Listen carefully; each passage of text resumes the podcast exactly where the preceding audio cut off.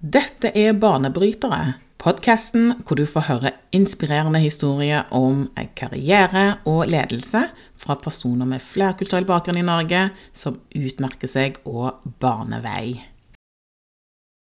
Om jeg føler at jeg må representere andre mørkhudede eller andre flerkulturelle, så vil jeg si at man føler jo det til en viss grad, men jeg håper at jeg kan bane vei for eh, andre. At de kan se på min reise, men også liksom ikke bare, ikke bare glansen rundt det. Oh, VP, People and Culture. Så spennende. Men at de får med seg at det ikke har vært lett. Mm. De får med seg at jeg har vært eh, et sted hvor jeg trodde dette var målet mitt. FN.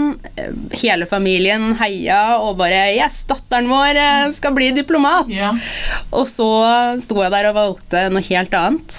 Men det var greit. Jeg turte å, å, å liksom følge magefølelsen.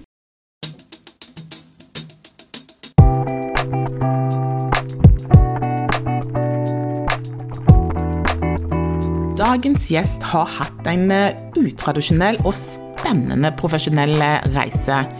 Hun fikk platekontrakt da hun var bare 17 år gammel, og hadde sin første singel på niendeplass på VG-lista. Winter har bodd eh, flere år i London og hatt ulike HR-stillinger med internasjonalt eh, fokus.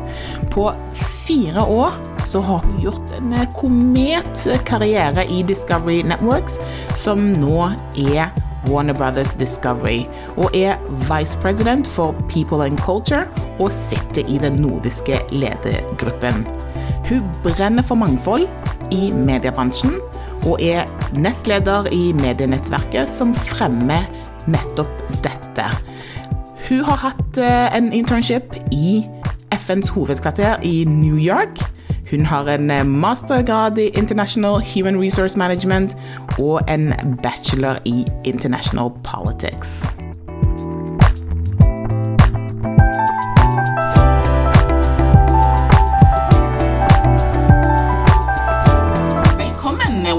til Banebrytere. Tusen, tusen takk. Ja. Jeg er så glad for at vi endelig klarte å få det til. Jeg vet det. Hvor mange ganger har vi prøvd? Men vi lykkes på fjerde gang. tror jeg. Enten så var det meg, eller så var det deg, og så ble det meg igjen. Men her eh, sitter ja. vi endelig. Og så var det sykdom, og så var det ditt, og så var det mye jobb. Ja. Vi har prøvd siden november, faktisk. Oktober ja. eller november. Ja. Men endelig så fikk vi det til. Mm. Så jeg eh, gleder meg til å, å, prate med deg og så høre om spennende reisen din, ja. eh, som du nå har hatt eh, profesjonelt. Men eh, eh, er det sånn at du har begynt å gå på skøyter? Ja Vel, vel. Jeg, jeg, startet jo egentlig å stå på skøyter eh, da jeg gikk på barneskolen. Da hadde vi en sånn skøytebane bak eh, barneskolen, og der holdt jeg på med hele vinteren. Og ramla og slo hodet. Jeg hadde sikkert hjernerystelse, men eh, jeg syntes det var så spennende. Og prøvde å få til piruetter. Og så mm, stoppet jeg jo med det, da, og flyttet jo eh, til London og bodde der i 13 år, før jeg da kom tilbake igjen og har blitt mamma. Og det er jo en veldig fin unnskyldning til å mm. liksom eh, finne barn i seg selv igjen. Og, eh, så nå har jeg begynt å stå på skøyter igjen. Ja, hvordan eh, går det? Ja da, det, det går. Um, jeg prøver meg på piruetter og har liksom et, et mål da, om å kunne klare å, å gjøre en piruett på, på ett bein. Wow. Men uh, vi får se, da. Ja. ja. ja. Du vet, for noen uker siden så kjøpte jeg for, altså, mine første ski Første ski. Første ski. Eller ski for første gang. Jeg vet ikke hvordan man skal kalle det. Men, men jeg har i hvert fall kjøpt ski, da. Ja. Og så eh, har jo jeg aldri gått på ski. Jeg hadde en veldig dårlig opplevelse da jeg var yngre. Ja. Um, sånn at uh, jeg har ikke prøvd meg på ski siden da. Ja. Um, så et par-tre uker siden så gikk vi ut og så skulle teste det her, da. Mm -hmm. uh, så det gikk ikke så bra. Men, men uh, jeg vet ikke hvor mange timer man trenger. Og det gikk ikke så bra. Hva betyr det egentlig? Det betyr at det gikk veldig dårlig. Jeg gikk, eh, jeg gikk på trynet, basically, og eh, ja, jeg, jeg hadde null kontroll. Jeg har jo ingen teknikk. eh, Ja. Så han, det var jo han mannen min som tok meg med på dette her, da. Så det Ja. vi har blitt enige om, er at for å bevare ekteskapet, så eh, skal jeg ta eh, sånn kurs eh, hos andre folk enn han. Hos andre folk enn han, ja. Det er bra dere er ærlige, da. ja, Ja, ja, ja. det. Bevare ekteskapet, det er viktig, det. Det er så- kjempeviktig. Er du gæren? Nei, så det er i hvert fall min eh, korte historie om eh, eh, om eh, ski, men jeg gir ikke opp, altså. Jeg skal Nei, fortsette. ja, men det er akkurat det. ja. Ikke gi opp. Ja, skal ikke det. Når du klarer det, så er det absolutt verdt det. Jeg håper det. Ja. Mannen min er akkurat det samme. Han er jo eh, eh, både fra USA og Karibien. Og han eh, kjøpte også sine første langrennsski for eh, et år siden. Ja. Eh, og trodde at det skulle gå eh, plettfritt, Mm. for han hadde jo spilt det på, på PlayStation. Mm. Okay. Til han da fikk prøvd det i virkeligheten. ok, så, okay. Så, ok, så han tenkte PlayStation skulle være liksom kurset inn til Yes! Mm. Ok, interesting. interesting. Men vet du hva, Winter? Jeg husker tilbake til tidlig 2000-tallet. Og da var jo jeg, og jeg er jo fortsatt eh, eh, superfan av R&B. Eh, og hørte mye på, på dette her, og liksom alle disse kjente amerikanske artistene som Ja, vi husker jo det. Og så en dag så dukket opp en norsk R&B-artist. Og hun var mørk i huden. Så tenkte jeg, hva er det som skjer med verden? Altså, skjønner du? Jeg husker det øyeblikket så godt. Og jeg husker jeg og vennene mine, som var òg eh, eh, black Ja. vi, Jeg husker vi snakka om det. Vi tenkte, hva er det som skjer? For da var du en av få, tror jeg. Kanskje en, to til, en eller to til, eller noe sånt. Jeg husker ikke helt. Men det var i hvert fall veldig få med mørk, altså, med mørk hud som mm. var på TV og var en R&B-artist. Så det var stort, altså. Men plutselig så forsvant du. Ja, det virker eh, kanskje sånn Ja. for, eh, for de fleste som i hvert fall fulgte med på den tiden. Ja. Ehm, men altså selve reisen for min del var jo jeg hadde jo liksom ikke en drøm Jeg hadde ikke en drøm om å bli en sangstjerne og, og få til alt det jeg klarte å få til. Ehm, jeg sang eh, siste skoledag eh, på ungdomsskolen, faktisk. Og da var det musikklæreren min som oppdaget meg, og han hadde noen kontakter inn i musikkbransjen. Og så var det plutselig en manager fra London som da hørte om meg og ville høre, høre meg synge, og så ble jeg signa The Works, og ting bare skjedde av seg selv. Og følger egentlig ikke den derre den der historien man egentlig hører om at man har prøvd og prøvd og prøvd og fått nei på nei på nei, og så skjedde det. For min del så var det litt sånn oh, Er det dette jeg faktisk vil? Ok, ja, la oss prøve, da. Ja. Og så eh, ble det jo noenlunde stort. Ehm, og jeg husker at det var veldig mange som var veldig overrasket over at jeg var norsk. Og så var jo R&B-miljøet utrolig lite i Skandinavia. Ikke bare Norge, men Skandinavia og Norden generelt. Det, ja. um, til de grader hvor jeg ble jo på en måte puttet inn i båsen med hiphop. Uh, og det, det var jo gøy, det. Eh, men da var jo liksom ikke R&B-sjangeren like stor, eh, stor i Norge. Ehm, men jeg holdt jo på med musikk eh, i et par år, eh, og fikk reist mye eh, i forbindelse med det. Kjempegøy. Men jeg var alltid, og jeg har alltid på en måte hatt musikken på én side, og så det akademiske på den, på den andre siden. Og prøvd å sjonglere med begge, egentlig. Ehm, til jeg da kom et sted i forhold til det akademiske og, og, og jobb og karriere, eh, hvor jeg følte at ok, nå klarer jeg bare ikke å holde på med begge deler. Um, og det skjedde jo da jeg flytta til eh, Mer eller mindre da jeg flytta til London. Men driver du fortsatt på med musikk, eller? Vel, jeg har jo to barn nå, og det som er litt morsomt, er jo når jeg da prøver å synge litt hjemme, så får jeg bare beskjed om 'mamma, vær stille'. Slutt med, slutt med det der. Og så tenker jeg bare ja, du skulle bare visst, du. Ja. Mama's pretty cool, ok? Mama's pretty cool. Det er folk som faktisk brukte penger for å høre på låtene mine og, og meg synge. Så det syns ikke de er noe kult i det hele tatt. Men eh, eh, hvis jeg gjør noe, så er det litt mer low-key. Eh, sånn i nabolaget. Bare sånn for å ha det gøy, Ja. rett og slett. Savner du det? Artistlivet? Mm, nei, jeg kan ikke si at jeg savner det. Altså, jeg savner eh, det sosiale. Jeg savner jo selvfølgelig den muligheten eh, til å være kreativ og sitte i studio og skrive låter og jobbe med kjempeflinke produsenter. Det kreative aspektet av det. Men jeg husker jo at det er det jeg slet med på den tiden. Nå var jeg ganske ung da jeg ble jo signa da jeg var eh, 16-17 år gammel. Og det å føle på at man på en måte er eh, nesten et produkt, da.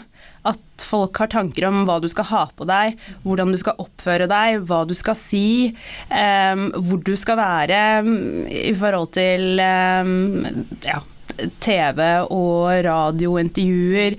At folk kjenner deg igjen. Og dette her er jo før sosiale medier. Så jeg aner jo ikke hvordan folk klarer det i dag, Ja. hvor man på en måte ikke kan switche av. Da. Eh, men jeg husker jo at jeg syns jo det var veldig tøft. At eh, jeg ikke fikk egentlig så mye tid til å bare være meg selv. Hvordan var det å være en av de få mørkhudede norske artistene back in the days? Vel, i første omgang så var det jo var det, jo det at R&B var liksom det, det miljøet var så lite i Norge. Eh, men så hadde jeg et team rundt meg som var veldig flerkulturelt. Og vi hadde en eh, ganske nær link med, med både USA og UK og musikkmiljøene der. Så jeg følte egentlig ikke at jeg var så veldig annerledes, men samtidig så var det kult. For jeg fikk jo ganske mye oppmerksomhet nettopp på grunn av det. Og ikke bare fordi jeg var fordi jeg er mørkhudet, men fordi jeg sang som jeg sang og hadde den og, og holdt meg til den sjangeren, da. Jeg Så det var på en måte altså. unikt, unikt og, og fikk litt oppmerksomhet på grunn av det. Du har jo beveget deg fra liksom, det kreative, kan man si, til corporate-verden. Eh, og noen vil jo si at det er ganske stor overgang, for corporate-verden oppfattes litt sånn rigid, litt sånn stramme rammer. Kanskje du bare si litt om det? Hvordan er det man går fra en artistkarriere til eh, corporate? ja. What, what happened, liksom? Hva skjedde? What happened? Vel, jeg føler at jeg har vært på en sånn endringsreise hele veien igjennom når jeg ser tilbake. Eh, det at jeg startet med musikk på ungdomsskolen og videregående Målet mitt var jo faktisk å, å jobbe for FN. Det var mitt mål. Mm, nice. Ja, jeg holdt på med musikk, men det var målet mitt. Hva var det det du var ville gjøre i FN? Vel, diplomacy. Jobbe med foreign policy. Og jeg tok jo en bachelor, det var jo grunnen til at jeg flytta til London. For å, ta en master, nei, for å ta en bachelor i international politics, faktisk. International relations. Og det siste året så fikk jeg faktisk en internship eh, i New York hos FN. Som var helt sykt. Det var det. Og eh, en drøm som kom i oppfyllelse. Eh, og jeg fikk vært med på generalforsamlingen og virkelig føle på, på det livet, da. Men eh, fant samtidig ut at det her var ikke for meg. Dette her var jo en drøm som ikke bare jeg hadde, men det var jo en drøm som min mor, min far, familien også hadde. Da. Både for meg og også på en måte det livet de har levd. Um, så der sto jeg og bare følte at nei, jeg føler ikke at uh, dette er for meg. Det var eh, det er vel strukturen, eh, hvordan organisasjonen jobber i forhold til det byråkratiske, hvor jeg følte at nei, det, det her er ikke helt meg, faktisk. Og der sto jeg, og midt i liksom studiene skulle tilbake igjen til London for å fullføre. Og jeg husker jeg snakka med min far. Beklager, men uh, det her er ikke meg. Hva gjør jeg? Skal jeg bare fortsette med det selv om jeg ikke føler eh, dette er 100% Og han er jo også en person som har vært på en endringsreise. Og har alltid liksom fortalt meg at du må alltid, eh, du må alltid lære å, å, å være utenfor komfortsonen. Ja, du kommer til å gå gjennom ting og finne ut at det ikke er veien å gå, men det er ikke bortkasta tid. Ta det med deg som en erfaring, ta det med deg videre, og du kommer til å finne ut av hva du vil gjøre. Så jeg dro tilbake til London og fullførte studiene og begynte å jobbe til jeg da fant ut av HR, som jeg da jobber med i dag. Og grunnen til at eh, jeg tror jeg falt for det, er jo fordi det handler jo om mennesker, men så er det litt sånn international relations innafor en bedrift. Ja, det er faktisk det. A lot of diplomacy. ja. Det er faktisk sant. ja, det er jo det. Ja. Og jeg følte at yes, dette her er spennende. For her snakker man strategi, ting går raskere, man er med på å skape endringer som man faktisk får sett. Og når man jobber for den riktige organisasjonen, da, så, så kan det være utrolig givende. Så da følte jeg at ja, her, her har jeg noe som jeg kan bygge videre på. Det er vel et veldig godt poeng. Jeg har aldri tenkt på det på. Men det er faktisk en ja, intern diplomacy-jobb. Det å jobbe med human resource management. For det handler om folk. Altså handler om folk og organisasjoner og intern politikk. Da trenger du internal diplomacy. Mm. Ah, nice. Da lærte jeg noe i dag. Men nå er du vice president for uh, People and Culture i Discovery Networks. Uh, Nordics. Uh, og du sitter nå i konsernledelsen. konsernledelsen. Og det er jo relativt ny, kan man si, i den rollen. Ja. Det er jo et håp. Men, men eh, bare så det er sagt, så har du gjort en kometkarriere fra du startet i Discovery bare sånn fire år siden eller noe. Og så virker det som Eller så virker jeg ser på CV-en din at det er omtrent årlig så har du blitt baffet opp og baffet opp og baffet opp. Er, er du ambisiøs, eller? Lite grann! Bare litt.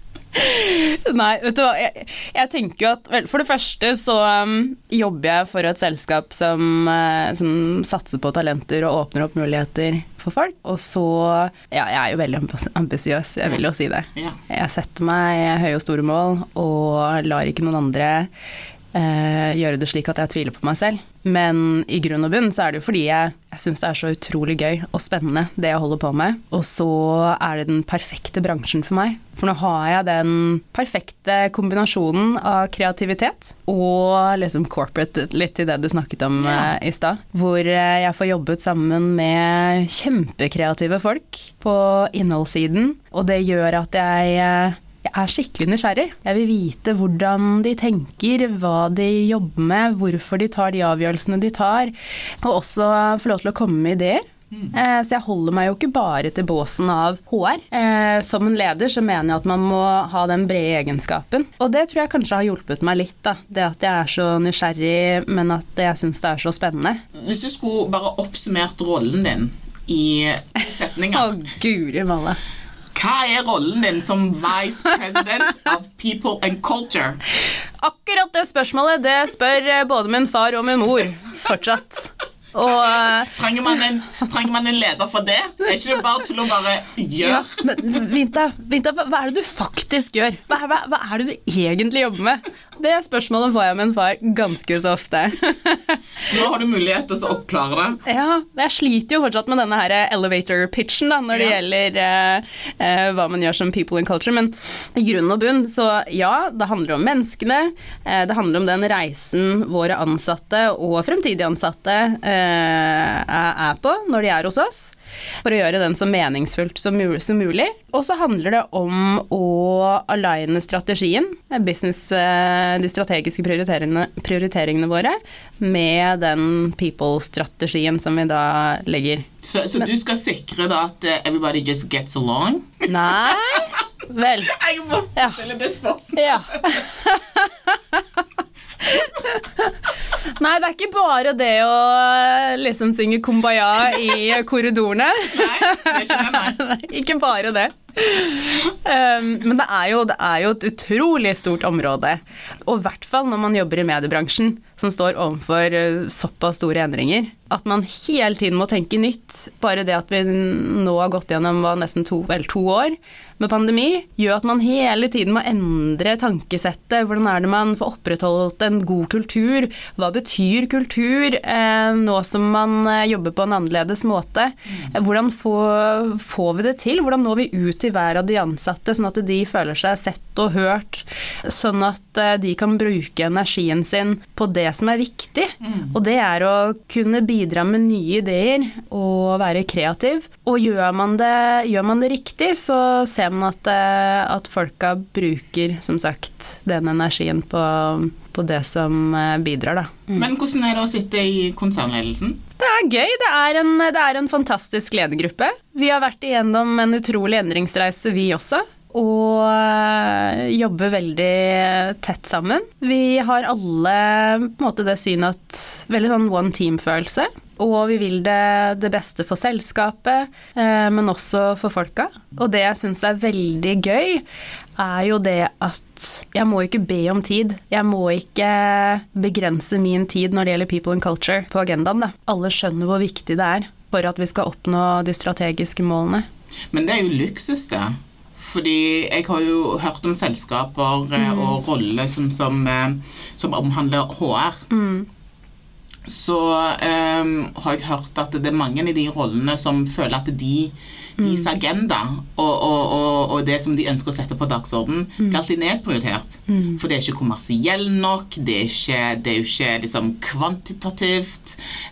Så, så, så det, er jo, det er jo noen som opplever det, så jeg må jo si at det er luksus uh, i din situasjon at eh, resten av ledelsen skjønner viktigheten i din rolle, og at hvis man ikke har din rolle, så klarer man faktisk ikke lykkes med å nå ambisjoner, for alt dette handler om folk. Mm. Men det handler også om fremgangsmåten. Altså hvordan eh, legger man da frem eh, de viktige punktene som må diskuteres? Man må være ja, kvantitativ, men også kvalitativ. Man må skjønne hva som vekker opp oppmerksomheten oppmerksomheten til de andre i ledergruppa, og presentere de punktene man har på den måten. Så man må jo tenke ganske strategisk gjennom hvordan man faktisk vil oppnå det man eh, ønsker å få til.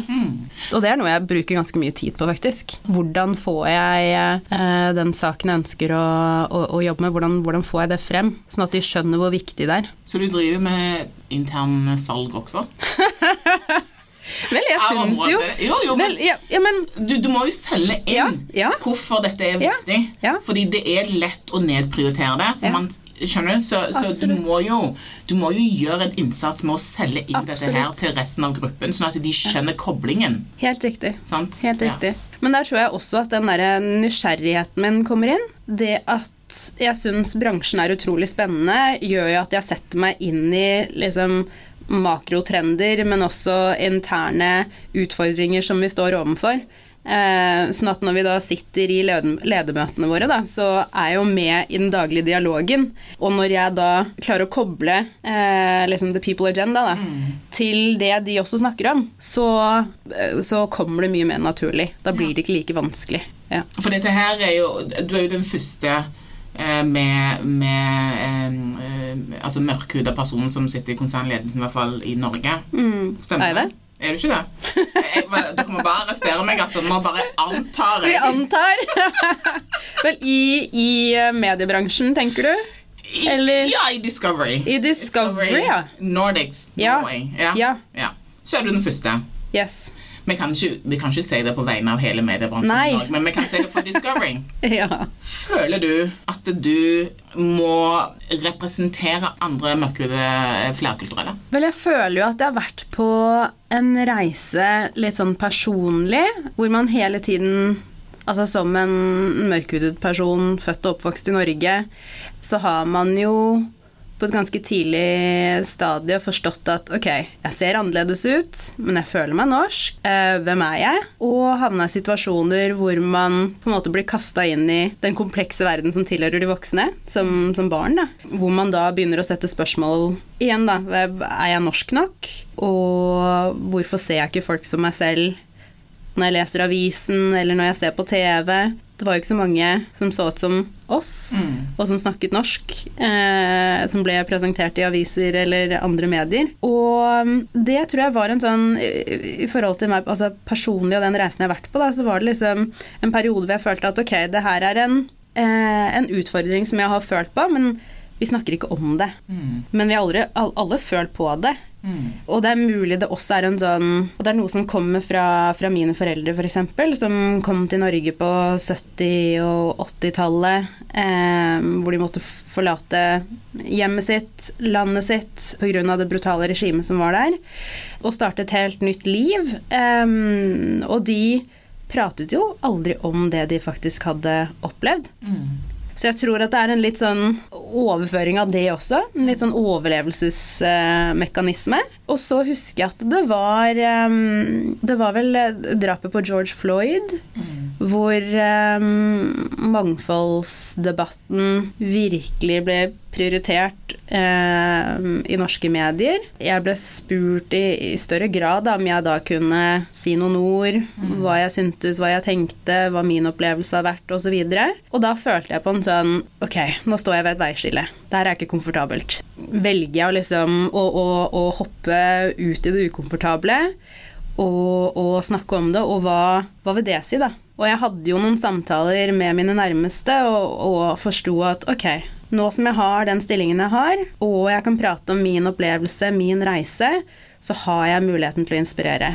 Og forhåpentligvis belyse andre som kanskje ikke har det perspektivet, men som sitter i, i roller og stillinger hvor de kan bidra med positive endringer. Da. Vi snakker jo om mediebransjen og, og, mangel av mangfold. Og da følte jeg, og jeg føler jo det fortsatt, at hvis jeg da kan bruke min stemme, min plattform, for å hjelpe den neste generasjonen til å faktisk velge mediebransjen, så føler jeg at uh, jeg har oppnådd ganske mye.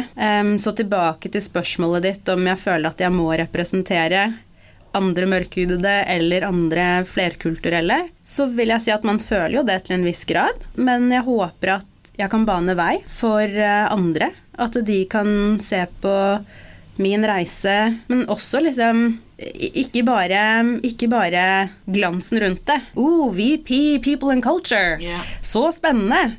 Men at de får med seg at det ikke har vært lett. Mm. De får med seg at jeg har vært eh, et sted hvor jeg trodde dette var målet mitt. FN. Hele familien heia og bare Yes, datteren vår eh, skal bli diplomat! Yeah. Og så sto jeg der og valgte noe helt annet. Men det var greit. Jeg turte å liksom følge magefølelsen. Og hvis jeg da klarer å inspirere eller få andre til å forstå at ja, du må tørre, så kan du også klare det, så føler jeg at jeg har oppnådd veldig mye. Men du var jo inne på dette her med at veien ikke har vært lett. For ofte så ser man på suksessen. Ja. Så tenker man wow. Men hva er noen av de eller utfordringene som du har vært borti underveis, som, eh, som eh, ja, har kanskje vært hinderet eh, til å komme deg dit du vil? da? Ja, det er et godt spørsmål. Jeg har jo alltid på en måte um, hoppet litt sånn ut i det ukjente. Um, da jeg var uh, 19 eller 20, det var jo da jeg flytta til London og måtte da overleve i denne storbyen. Haugerud til eh, Brixton. Det er to vidt ja. forskjellige ting. Brixton. I en alder av 1920. Du starter tøff, altså. Ja, ja. Når jeg sier at jeg hopper ut i det, så gjør jeg det. ja, ja. Mm. Ja, så det har nok det har, Hvis det er noen utfordringer, så um, Og jeg skal sette ord på det, så har det jo noen ganger bare vært på en måte ubevisste um, fordommer hos folk som kanskje tror at jeg ikke er kapabel til å oppnå eller gjøre det jeg vet at jeg kan gjøre. Men jeg føler at jeg har en litt sånn fighting spirit inni meg som gjør at hvis du tror at jeg ikke kan gjøre det, ja, da skal jeg vise deg at jeg kan yes. gjøre det. And then some.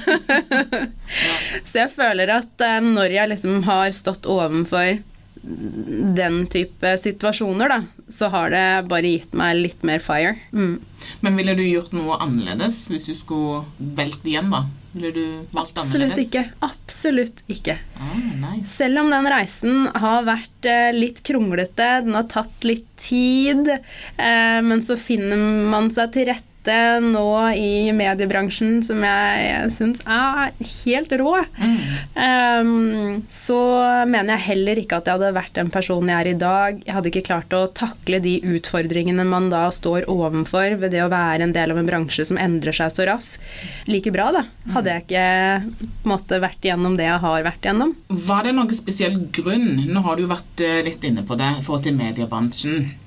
Ehm, og at du syns det er kjempespennende, og det er det jo. Eh, mye som skjer. Eh, mye eh, Altså, det er veldig mye spennende fremover som, som vi må på en måte forholde oss til, og gjerne være med på å endre. Men hvorfor valgte du mediebransjen in the first place? I London så jobbet jeg bl.a. for eh, Getty Images, som noenlunde er innafor mediebransjen, og forsto da at eh, dette med det kreative og, og corporate var kjempespennende. Eh, og da jeg, flyttet tilbake til Norge så, og, og fikk den muligheten da, eh, hos Discovery, så skjønte jeg at yes, dette her blir spennende. For det er jo dette vi snakker om eh, rundt middagsbordet. Du trenger ikke å forklare liksom Ja, hvem, hvem er dere? Hva er det dere faktisk jobber med? Det er, eh, det er det vi snakker om. Og vi er en del av en bransje hvor vi kan belyse, vi kan skape debatt og dialog, vi kan være med på å endre samfunnet. Og det er det ikke mange andre bransjer som, bransjer som får lov til å gjøre, til like stor grad, mener jeg, da. Så det å, kunne, det å få lov til å være med um, på den endringsreisen innenfor den bransjen vi er i, det er kjempespennende, syns jeg. Hva blir ditt eh, fotavtrykk i bransjen, tenker du? Hm, det har jeg ikke tenkt på engang. jeg håper jo at jeg til en viss grad i hvert fall har bidratt, eller kommer til å klare å bidra til noen positive, endring, eh, til noen positive endringer når det gjelder mangfold i bransjen vår. Hvor vi vet at det er en utfordring, vi vet at vi må speile det mangfoldet som er i samfunnet. Eh, vi har kjent på det føles, hvordan det føles å, å, å, være utenfor og ikke være representert. Um, og dette her er det beste for hele bransjen. Og gir vi det oppmerksomhet, så får vi det til. Men hva er det som skal til for å navigere, eller i hvert fall å bli baffet opp sånn som du er blitt baffet opp? Siste bare sånn uff, uff, uff. Men jo, men hva er det som Hva er det du gjør som gjør at du etter fire år i Discovery sitter der du sitter nå? Oppskriften. Er du klar? Hva er oppskriften her? Jeg skal notere, og ber alle lytterne notere ned. Jeg tror jeg kanskje har, har, snakket litt om det allerede, men altså, i første omgang så var det jo en veldig stor fordel for meg altså det at jeg hadde den internasjonale erfaringen. Det at jeg hadde bodd i utlandet, at jeg hadde bodd i, i London, at jeg hadde vært innom New York. Så jeg, jeg, hadde en forståelse for både kultur, måten man gjør business på, og jeg kunne ta det med meg tilbake igjen eh, og inn i denne rollen. Og så er det andre er vel igjen den der nysgjerrigheten og interessen jeg har for bransjen.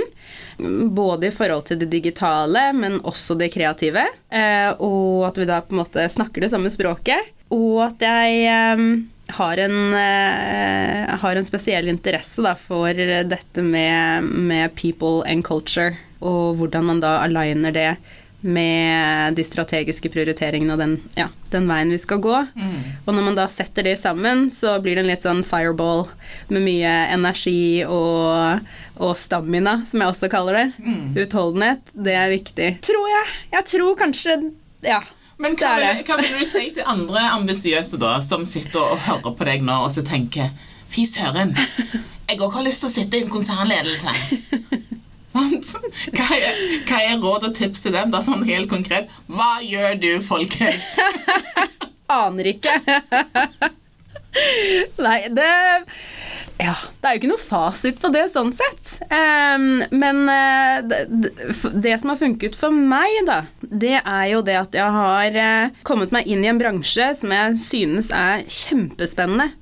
Så når jeg er på jobb, så, jeg, så, sitter jeg ikke der og teller timer. Jeg tenker at gud, dette her er spennende. Mm. Og uh, fordi det handler om kreativt, altså det handler om innhold, visuell innhold, så kan jeg da slå på TV, se på Netflix, og så gjør litt research. Ikke sant? Så det, det som er en hobby, er også karriere.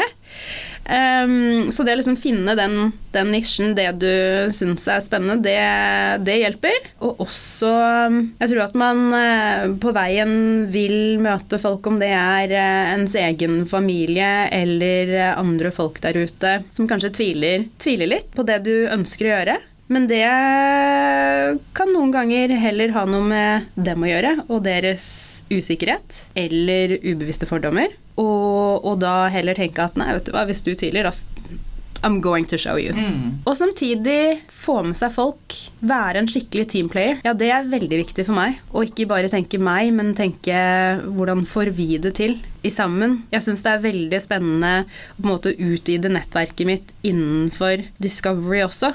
Så jeg tenker ikke bare min boble, jeg tenker bredere enn det. Hvem er det jeg bør eh, snakke med? Litt sånn som da du tok kontakt med meg. Og det hjelper også. Og så selvfølgelig levere. Ja, selvfølgelig. Ja, ja, ja. Og det levere, folkens. jo. Det Selvfølgelig. Og det må jo Uten det så får man jo ikke noe til. Nei. Så det arbeidet man legger ned, og det man får til, um, både som et individ, men også som en del av et team, det er jo det som da skaper grunnlaget til det man får til. Hva er neste steg for deg? Claudia, who knows? Vi får se. vi får se. Når man er en del av en bransje som vår, så må man på en måte ta én dag om gangen og fokusere på det man vet, og det man kan kontrollere, og gjøre det beste ut av det. Tilbake til det med å levere. Det er mye som skal leveres nå, og jeg retter på en måte all fok fokus mot det. Det som jeg syns er veldig fint med din historie, er at eh, du demonstrerer at eh, man kan gå flere veier. Og at eh, der man starter, er ikke nødvendigvis der man trenger å ende opp. da.